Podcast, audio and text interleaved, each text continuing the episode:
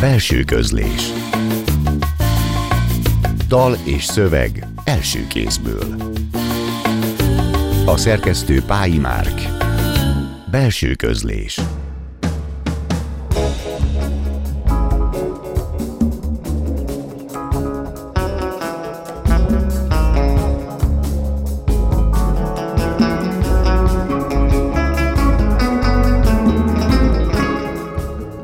különleges könyvtár, ahova belépünk, évtizedek óta gazdagodó a gimnáziumi évektől kezdve, amelybe olykor random kerültek be kötetek, mert talán felkeltették a figyelmet, mert azt sugalták, hogy vigyél haza.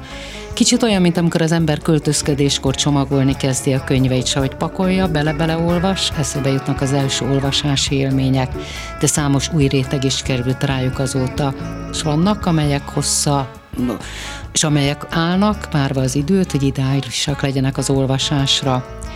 Egy különleges személyes eszékötet, amelybe beszivárognak meghatározó tanárok, felvillannak évek, évtizedek, például a mozgó világügy, meg újraolvasásra, újragondolásra kedvet adó könyvek. Olykor a hívószó nem a mű, az néha csak egy apropó.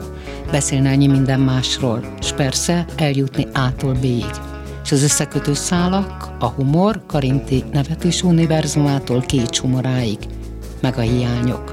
Szóval megpróbálunk eljutni ától a B-ig és vissza Beck András esztétával. Tartsanak velünk, én Marton Éva vagyok.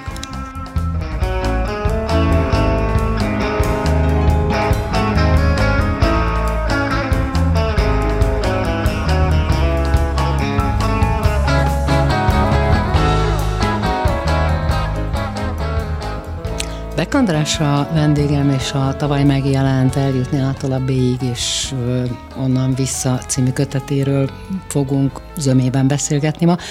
Ez egy, nem tudom, hogy szabad-e azt használni, azt a szót, hogy egy viszonylag szabálytalan eszékötet, vagy sok tekintetben egy nagyon személyes, vagy meglepő eszékötet, ami nagyon szépen még keretbe is helyeződik. Kezdődik egy emlékkönyvvel, maga a fejezet címe is az emlékkönyv, ami fölidézi, hogy milyen emlékek a gyerekkortól, milyen pillanatok indítottak el olvasásokat, melyek voltak azok a könyvek, amelyek véletlenszerűen, akár csak mert a formája megtetszett, akár mert volt róla egy valamilyen félmondatnyi ö, emlékezet, kerültek hozzád, voltak, amelyek hevertek, majd elolvastad őket, és amire azt mondtam, hogy olyan, mint bepakolni egy könyvtárat, és újra kicsomagolni, hogy az első fejezetnél azt éreztem, hogy iszonyú fontosak azok a személyes kötődések, amelyekkel te úgy nyúlsz hozzá a könyvhöz, és úgy írsz aztán nagyon izgalmas személyes témákról, vagy személyes ügyekről, ami ilyen módon használtam a szabálytalan eszét. Hát talán, talán igen, ebben az értelemben.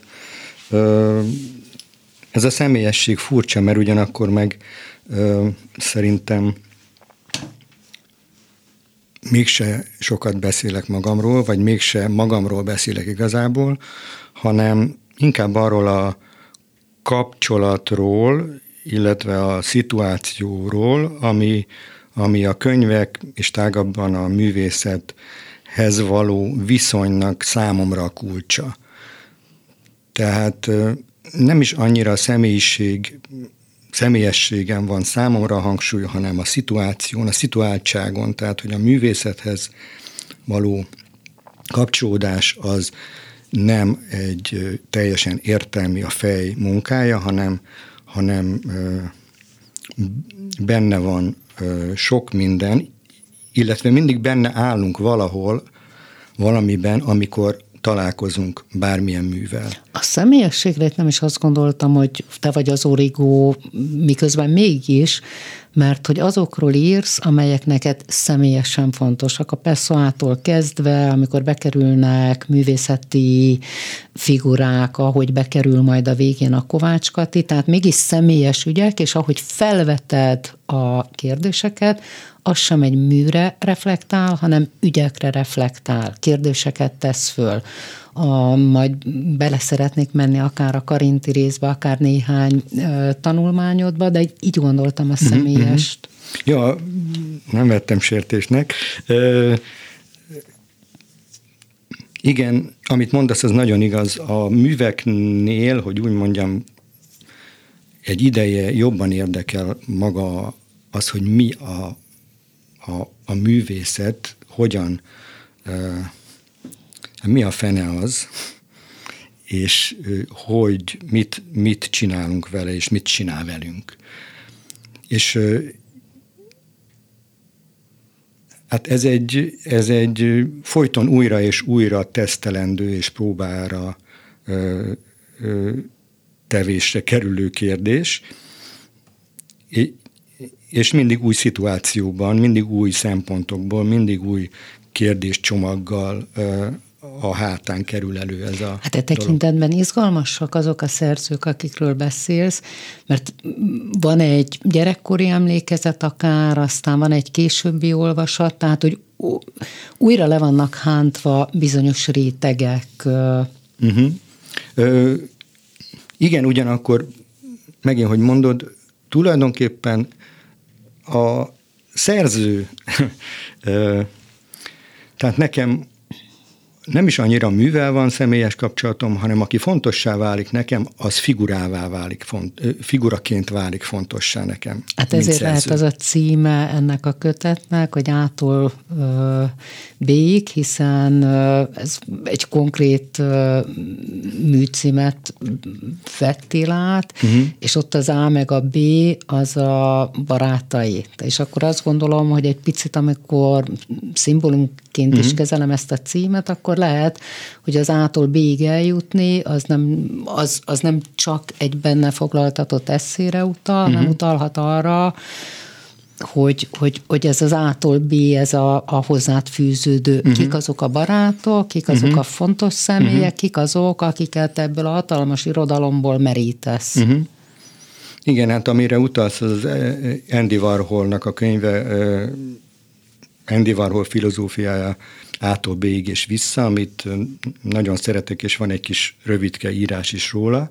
Ö, ott valóban a barátokról van szó. Itt nálam szerintem talán nem, ö, hanem ugye ez a monogramomnak a fordítottja, tehát hogy a, hogy a én, az én monogramom BA, és akkor egy ilyen BA, és egy ilyen játék is van benne, de alapvetően az, hogy eljutni valahova és vissza, ez a fajta cikázás, és hogy állandó mozgásban levés, az nagyon fontos nekem írás közben, ez adja az izgalmat. Az olvasás is másfajta, amikor csak az írás más, tehát az írás izgalma, vagy az a fajta olvasás, hogy te olvasol, és kiderül egy nagyon izgalmas útja az olvasásnak, hogyha visszamegyünk a te gyerekkorodba, hogy, hogy hogyan olvasol, hogy van, amikor már tetszik, de csak az első oldalig jutsz el, uh-huh. vagy az első fejezetig, mi az, ami megfog és visszatérsz hozzá, mi az, amit újra leveszel, tehát hogy van egy ilyen oda-vissza cikázás talán az olvasásban is, és ez válik élővé az írásban. Uh-huh. Hát mindenképpen vannak olyan, olyan, olyan szerzők, akiket persze sokszor ö, ö, olvasok, vagy viszonylag, vagy többször olvastam, de az a helyzet, hogy bár ez főleg az irodalomra igaz, hogy irodalmat tulajdonképpen nagyon nehezen olvasok, és nagyon könnyen elkedvetlenedem. Tehát elég nem dicséretes módon rászoktam arra, hogy mondjuk egy oldal után abba hagyjak egy könyvet. Esetleg. Már megesett. Tehát, hogy de van egy rossz érzésed, hogy az, aki irodalomtörténész, az, aki esztéta, az amúgy nem tehetné meg, hogy. Tehát, hogy, hogy ezt mennyire lehet vállalni nyilvánosan, hogy hát de, vannak könyvek, amire nem érdemes több időt szállni, vagy pedig van benned egy ilyen mégiscsak ott hagyott nyom, hogy hm, meg kellett volna küzdeni és tovább kanalazni. Hát igen, az a helyzet, hogy én kívülállónak érzem magam, és szerintem az is vagyok, ebben az értelemben mindenképpen, hogy nem ö, ö, üzemszerűen dolgozom. Na de ez egy hihetetlen szabadság. Igen. Tehát, hogy Igen. azt gondolom, hogy ha valaki vállaltan meri azt mondani, hogy kívülálló, és az izgalmas, hogy mit jelent az outsiderség uh-huh. ez esetben, miközben ebben foglalkozol, az, azt gondolom, hogy megadja annak a szabadságát, hogy az eszétől is el lehet úgy térni, ahogy te uh-huh. eltérsz. És kérdezem is, hogy mi az eszé, amikor te, amikor a egy szép irodalom és az eszé határán mozogsz, amikor uh-huh. olyan izgalmas uh-huh. módon íródnak ezek az eszék. Ö, hát valahogy nagyon nem szeretek, nagyon nehezen írok, és nagyon szeretek írni, és nagyon, nagyon nehéz írni, és nagyon nagy nekifutás kell ahhoz, hogy írjak, bármiről is, ezért lassú vagyok, és ezért nem is tudnék működni mondjuk egy kritikusként, mondjuk akinek az a dolga, hogy, hogy rendszeresen olvasson bizonyos dolgokat, és írjon bizonyos dolgokat. És valóban ez egy ilyen luxus, amit, amit én csinálok, aminek van sok-sok hátránya meg gőgössé is teszi az embert, persze, belül nyilván, hogy nem úgy csinálom, ahogy általában szokták, az uh, tulajdonképpen egy nem, bizonyos értelemben nem jó öntudatot is ad az embernek, meg egy jó öntudatot is ad az embernek. Uh, a jó oldala az, hogy, hogy, meg, hogy valóban van időm, és valóban nem vagyok rá, valóban ö, oda ki viszonylag gyorsan, hogy, hogy nem szeretek olyanról írni, illetve nagyon-nagyon fáradtságos és nagyon-nagyon nehéz dolog olyanról írni, amit, ami igazából nem tetszik, azt megmondani, hogy miért nem tetszik. Az nagyon nehéz dolog. Azt mondanám, hogy szinte lehetetlen, mert úgy kell tenni, vagy úgy kell csinálni, csak úgy van hitele, hogy tulajdonképpen mindent értesz, de mégis valamit úgy lát, hogy, tehát olyan, nem, hogy, tehát olyan nincs, hogy nem értem, azért nem tetszik. Pedig mindig ez a helyzet, hogyha valami nem tetszik az embernek, akkor valamit nem ért. A Santana-tól a Samba Patti után visszajövünk.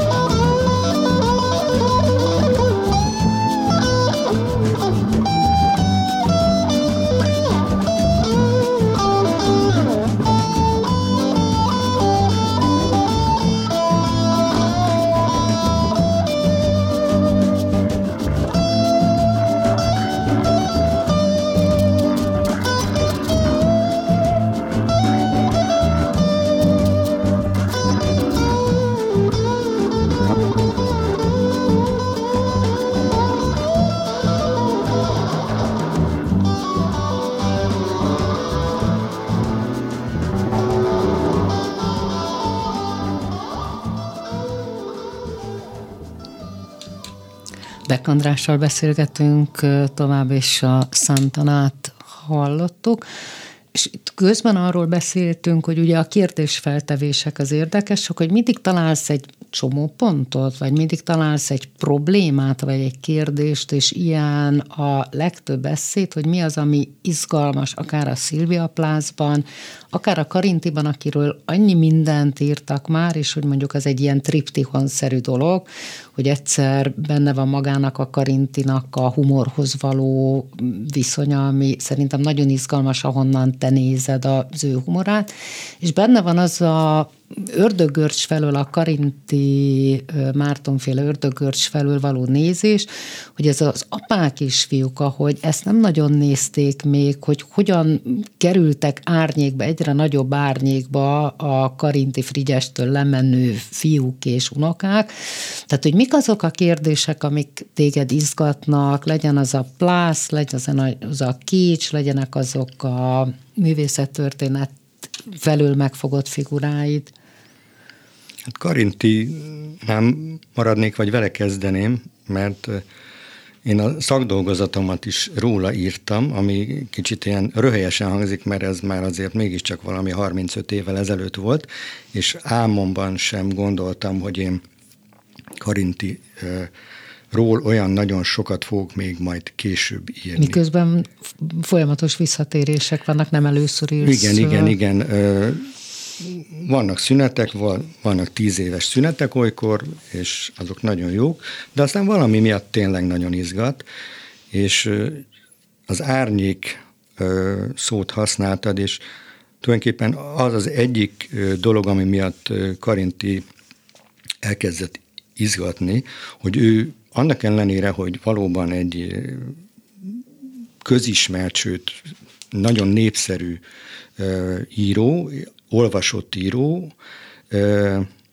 valamilyen módon árnyékban van, még mindig az irodalom történetben, nem igazán van talán még mindig a helyén, de, de mikor engem kezdett érdekelni, akkor biztos, hogy nagyon nem volt. Valahogy némi lesajnálással tekintettek rá általában. Nem volt Igazából nem volt hosszú-hosszú ideig egy komoly vehető szerző sem, aki Karintival foglalkozott volna, illetve aki Karinti, a, aki számára Karinti láthatóan fontos szerző lett volna. A fontossága miatt, vagy pedig, hogy nagyon nehéz Karintihoz hozzányúlni? Hát nagyon megtévesztő, mert mindig az van, hogy ugye ő mekkora zseni volt, egy fantasztikus sziporkázó, elmé, elképesztően mm,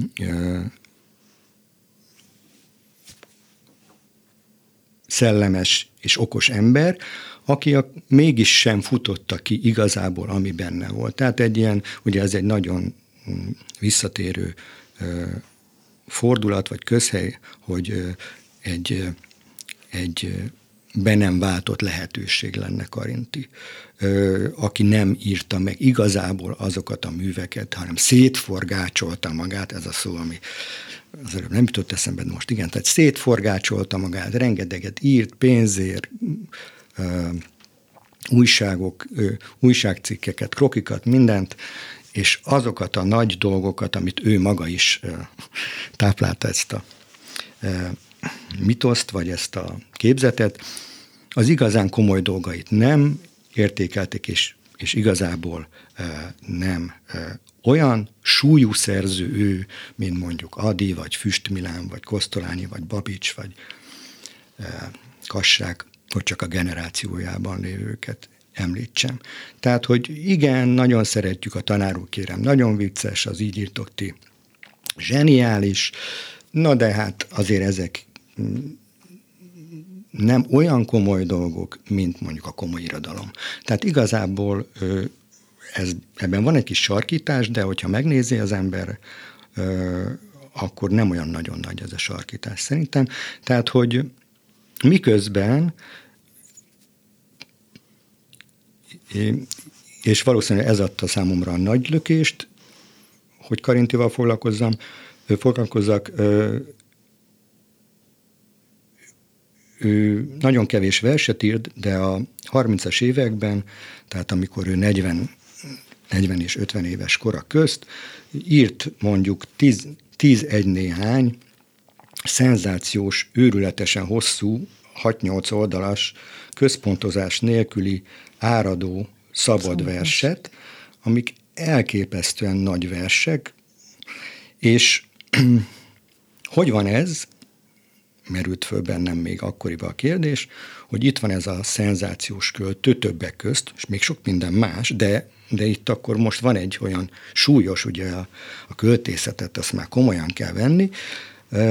Itt van egy, egy, egy, egy nagyon, nagyon komoly életmű, még hogyha nem is túl hosszú, de hát kit érdekel, hogyha valaki három nagy verset írt, akkor az már elég. Adi se írt olyan nagyon sokat. És hogy van az, hogy mégis ennek nincs igazán nyoma az irodalom történetben? Sőt, az irodalmi köztudatban sem. Hát mert lehet, hogy abba a kánonba, amit mindig gyártanak, abba a kánonba az nem fért bele. Egyáltalán Karintit a versek felől nagyon ritkán szokták nézni, van egy-két verse, amit mindig idéznek, hát ez igen, Karinti, sajnos, miközben... Sajnos nem a, igen, sajnos a, a ugye az előszót szokták idézni, ami hát korán sem a nagy versei közé tartozik, ugye nem mondhatom el senkinek, elmondom hát mindenkinek. Nem, nem erre gondolok, hanem Azért van, mondom, hogy, más rossz. Igen, igen. De igazából valóban, és pontosan ez, a, a, ami igazából nem hagy nyugodni, hogy hát ez, ez rosszul hangzik, hanem ami miatt változatlanul nagyon érdekes, hogy a Karinti mint író figura tulajdonképpen nagyon rendhagyó. Nem abban az értelemben, ahogy szokták mondani, hogy, hogy mennyire sziporkázó, zseniális, stb., hanem abban az értelemben, hogy, hogy az a fajta gondolkodás és attitűd, ami az írókat és a művészeket mondjuk azt így sommásan, hogy jellemzi, az Karintira nem annyira. Tehát, hogy a, a komoly ember öntudata a, Hiányzik belőle, abszolút belőle. hiányzik. Tekintély, et, et, na jó, de ettől lesz szerethető emberként is, és talán itt jutunk Igen. el a te lény, köteted lényeigig, hogy egyszer a hiány, tehát hogy azok a hiányok, amik nem történtek meg az irodalom történetben, a kutatásban és a többi, és a többi, tehát ezek egyszer középpontjában vannak. A másik pedig, hogy ezek az emberi vonások mennyire fontosak, amikor te valakihez hozzányúlsz. Hát valahogy az lesz, az lesz ez egy régi módi közelítésmód, hogy a szerző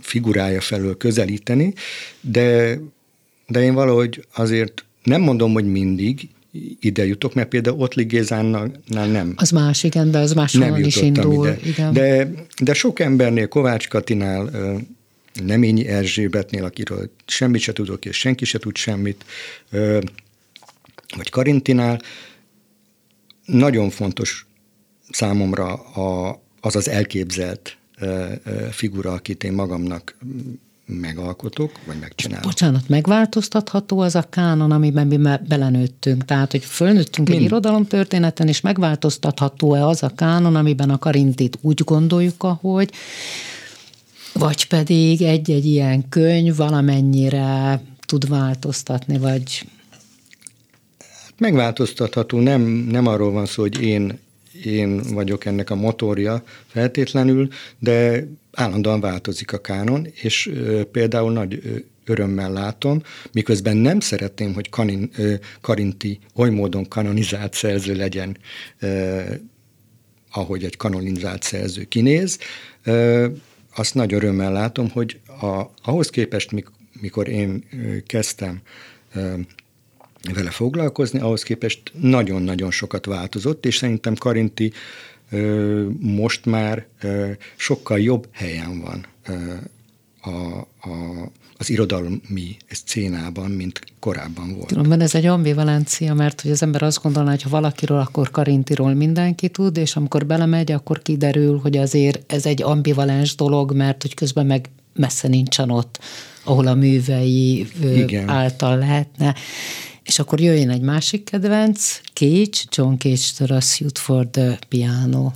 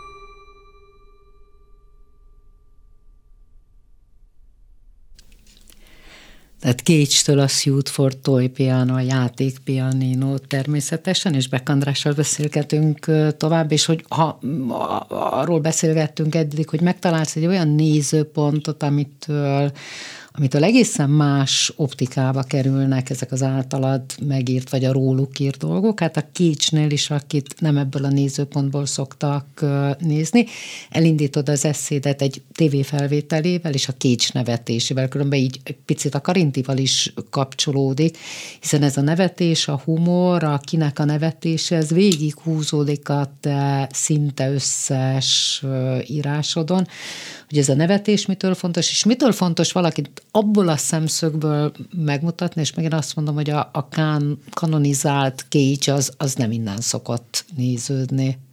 És akkor kiderül, hogy van egy ilyen nagyon játékos, ha kell, te a bócót használtad, de hogy, hogy, hogy, hogy bele tud állni a játékokba. Uh-huh. Ö, hát amiről most említést tettél, az, a, az egy tévéfelvétel, ami a YouTube-on el is érhető, Water Walk címmel, és ez 60, 61-ben volt, azt hiszem, és John Cage, aki ugye az avantgárd zene, és nem csak az avantgárd, tehát nem csak a zene, hanem az avantgárd művészet, a 60-as, 50-es, 60-as, 70-es években avantgárd művészet egyik legnagyobb hatású figurája, akinek a, a köpenyéből nagyon sok képzőművész és performance művész és előadó, és nem tudom mi, bújt ki, írók is akár.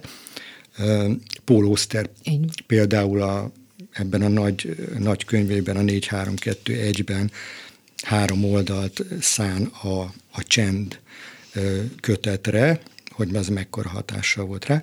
Tehát, hogy egy ilyen alapvetően ugye a, a, a, a modern művészetnek egy ilyen kulcsfigurája, az elmegy egy tévéműsorba, amerikai tévéműsorba 1960-61-ben, aminek az a cím, hogy van egy titkom.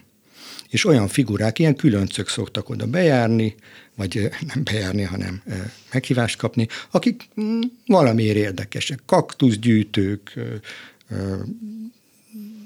nem tudom, bicikli háromszor körbe mentek a világon, stb. Ilyen kikül, külön érdekes figurák. Versenyzőnek is hívja a, a műsorvezető, következő versenyzőnk, és bejelenti, hogy John Cage. És ő ott előad egy darabot, ami egy ilyen performance igazából, ilyen színházi előadás, ha úgy tetszik. Mindenféle különös hangszereket használ, és tulajdonképpen ezért kerül be így a műsorba, mert egy olyan zeneszerző, aki gumikacsával, locsolókannával, kuktával és rádióval, mint hangszerrel dolgozik, tehát neki ez a titka. Tehát egy egész más közegbe áll bele, ezt egyébként csak egyszer csinálta meg életébe, illetve van, volt ennek egy előzménye, de most az nem érdekes. Tehát nem arról volt szó, van szó, hogy akkor ő elkezdett a tévébe járni, és ilyen showman Világos, ez egyszeri, de... Ez egy egyszeri, viszont nagyon hangsúlyos dolog, és nagyon különös. Tehát ha valaki párhuzamot szeretne, akkor olyan, mint hogyha Kassák Lajos korabeli kabarékban olvasta volna föl a verseit, mert azok olyan értetetlen. Na de téged ez onnan izgathat, vagy kérdezem is, hogy a művészetnek van egy másik arca, tehát hogy szerintem amiért beválogatódik a kics túl azon, hogy biztos, hogy hát tudom, hogy szereted, mert írod is a eszédben, de hogy, hogy, hogy, hogy, hogy, hogy művészeti szempontból, művészetkritika szempontjából is izgalmas lehet az, hogy mi a művészet, hogy hol áll a művész, és hogy, hogy, hogy megengedhető el. Tehát megint ott tartunk, uh-huh. hogy, hogy, hogy ettől volt izgalmas a Kécsnek ezt az epizódjából kiindulni? Hát nagyon különleges. Tehát engem nagyon ö, meg tud fogni, hogyha ö, ha valamit különlegesnek gondolok. Ö, és ez például jól kitapinthatóan egy elég unikális dolog. Tehát az a, a, az a helyzet, amit vázoltam, és azzal szerettem volna illusztrálni, hogy hogy gondoljuk el, hogy Kassák a, a magyar avantgárdnak a vezére, az egy kabaréban megy el. Kassáknak semmi humorérzéke nem volt, tehát ez ő már csak ezért sem ment el kabariba, de ugyanakkor tudjuk, hogy azokon a verseken, amiket Kassák írt, az emberek ugye röhögcséltek. Itt is, amit két csinál, az emberek nevetgélnek, sőt röhögnek. És Cage velük röhög, velük nevet. És ugyanakkor nem, én mondtam az előbb, hogy bohóc, mert bohóc is, de egyáltalán itt például mégse bohócként viselkedik, nagyon megtartja a nevetése mellett is a, a komolyságát is.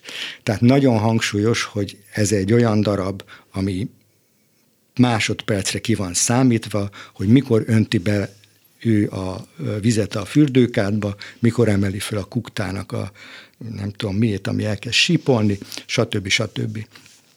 Tehát, hogy e, emiatt ez mm, számomra hát nagyon érdekes, mert valóban rendhagyó a művé, tehát, hogy a mi a művészet, az egy nagyon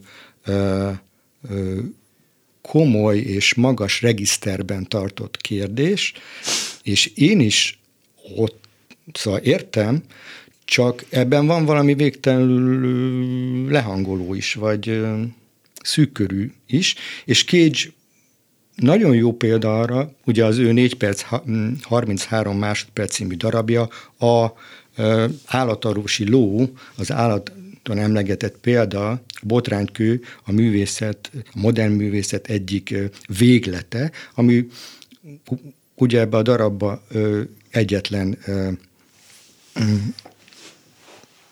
intencionált, tehát beleírt hang sincs.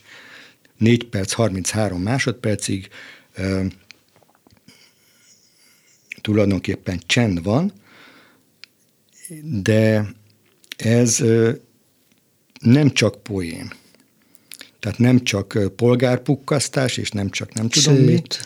Hát sőt, hozzátenném a sőtöt is. De azért persze az nagyon jól tudta Kécs, hogy egy darabban, a zenedarabban hangok vannak.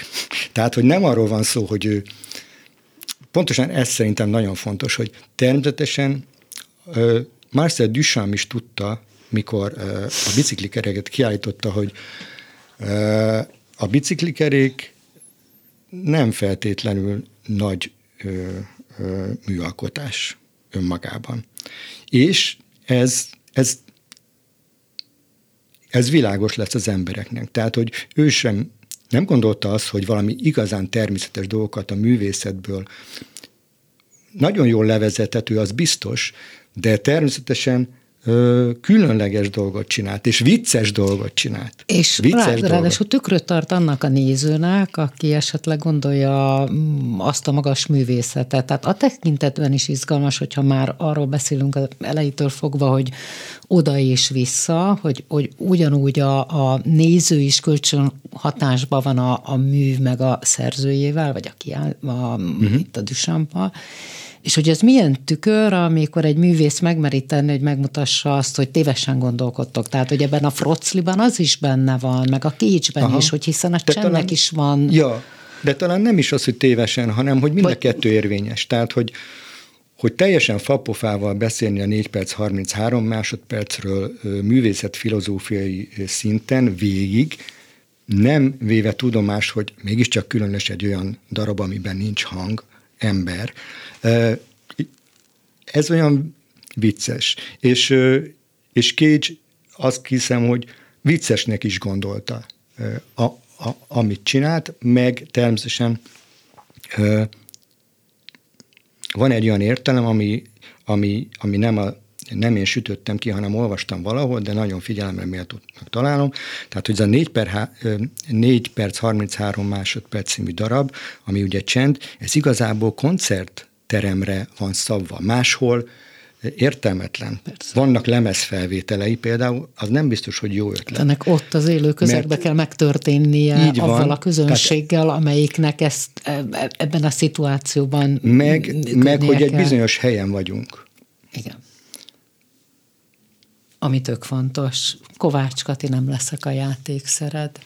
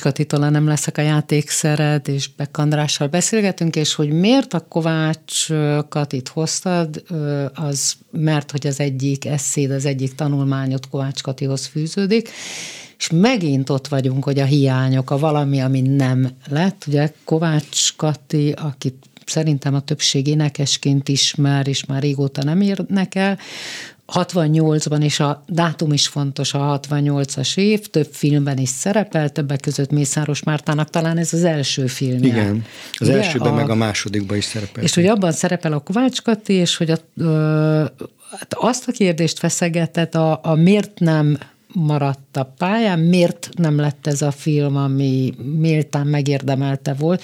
Tehát, hogy, hogy, hogy a recepciónak a uh-huh. hiánya. Tehát, hogy, hogy, hogy ettől lesz az izgalmas, hogy, hogy valaki úgy kerül bele ebbe a művészeti tanulmányok közé, hogy fölvett rengeteg fontos kérdést. Uh-huh.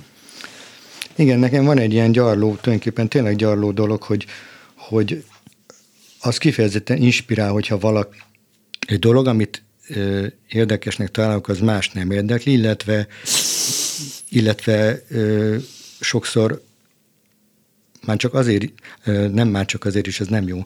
Tehát az érdekel, vagy a, arra vagyok fogékony, vagy azokra a kérdésekre vagyok fogékony, amit amit úgy érzem, hogy, hogy evidensen föl kéne tenni, csak nem biztos, hogy föl. Tehát a nem föltett, a hiányzó kérdések. Mondjuk, mondjuk. Aha. És ugye az Eltávozott nap című filmről van szó, de valóban Kovács Kati 68 tájékán hat ö, filmben játszott, ö, gyakorlatilag egy év alatt, gondoljuk el, egy év alatt hat filmben játszik valaki, aki nem színész egyébként, és aztán előtte se és utána se játszik ö, ö, több filmben, illetve ez nem igaz, ö, még föltűnik, de ez már más dolog.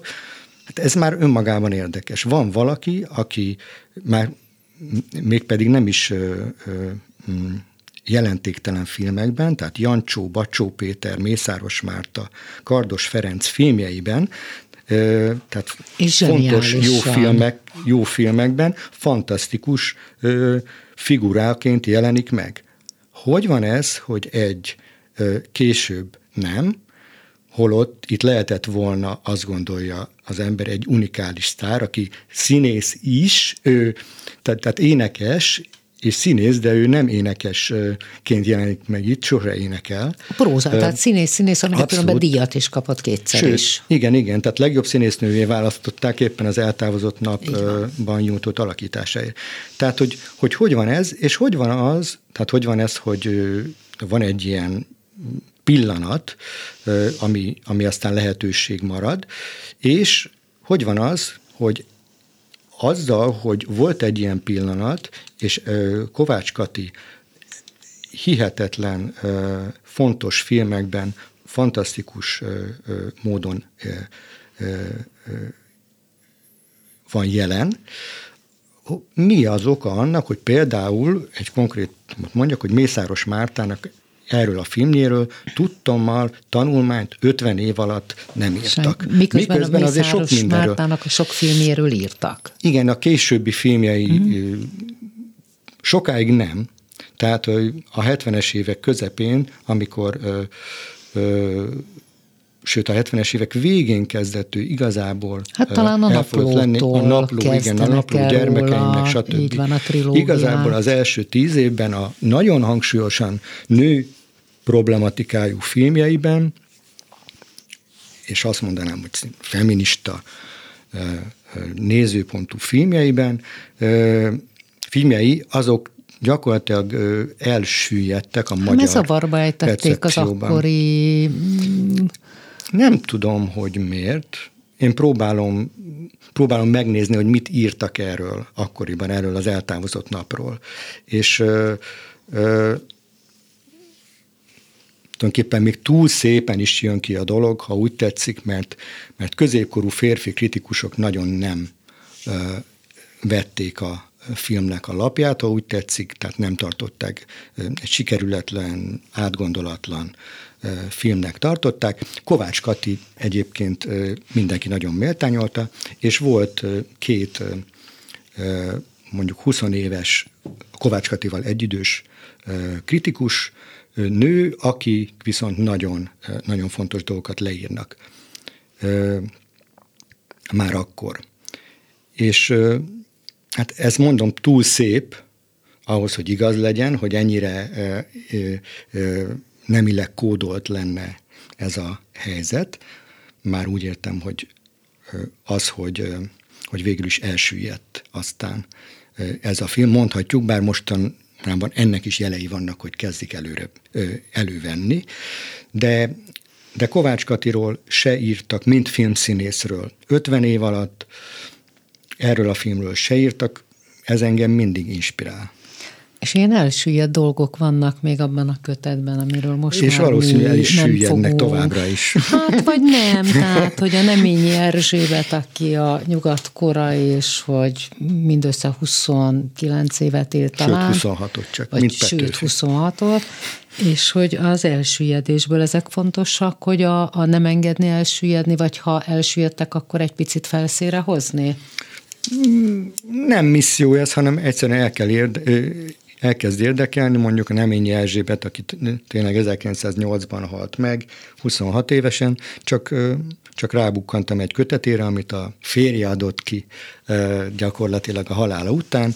Ő egy újságíró volt, és, és úgy aztán valamikor elkezdtem olvasni, és megint csak meglepődtem, hogy hoppá, ez nem akárki, hanem egy nagyon formátumos, történetesen újságíró, aki ráadásul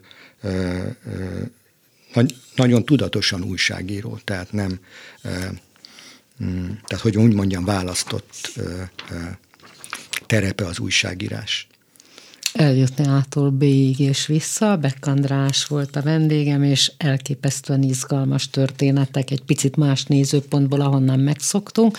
Nagyon köszönöm neked, hogy itt voltál. É, hoztad a zenéket, a hangmester Csorba László nevében is megköszönöm figyelmüket. További szép estét kívánok. Marta névát hallották. Belső közlés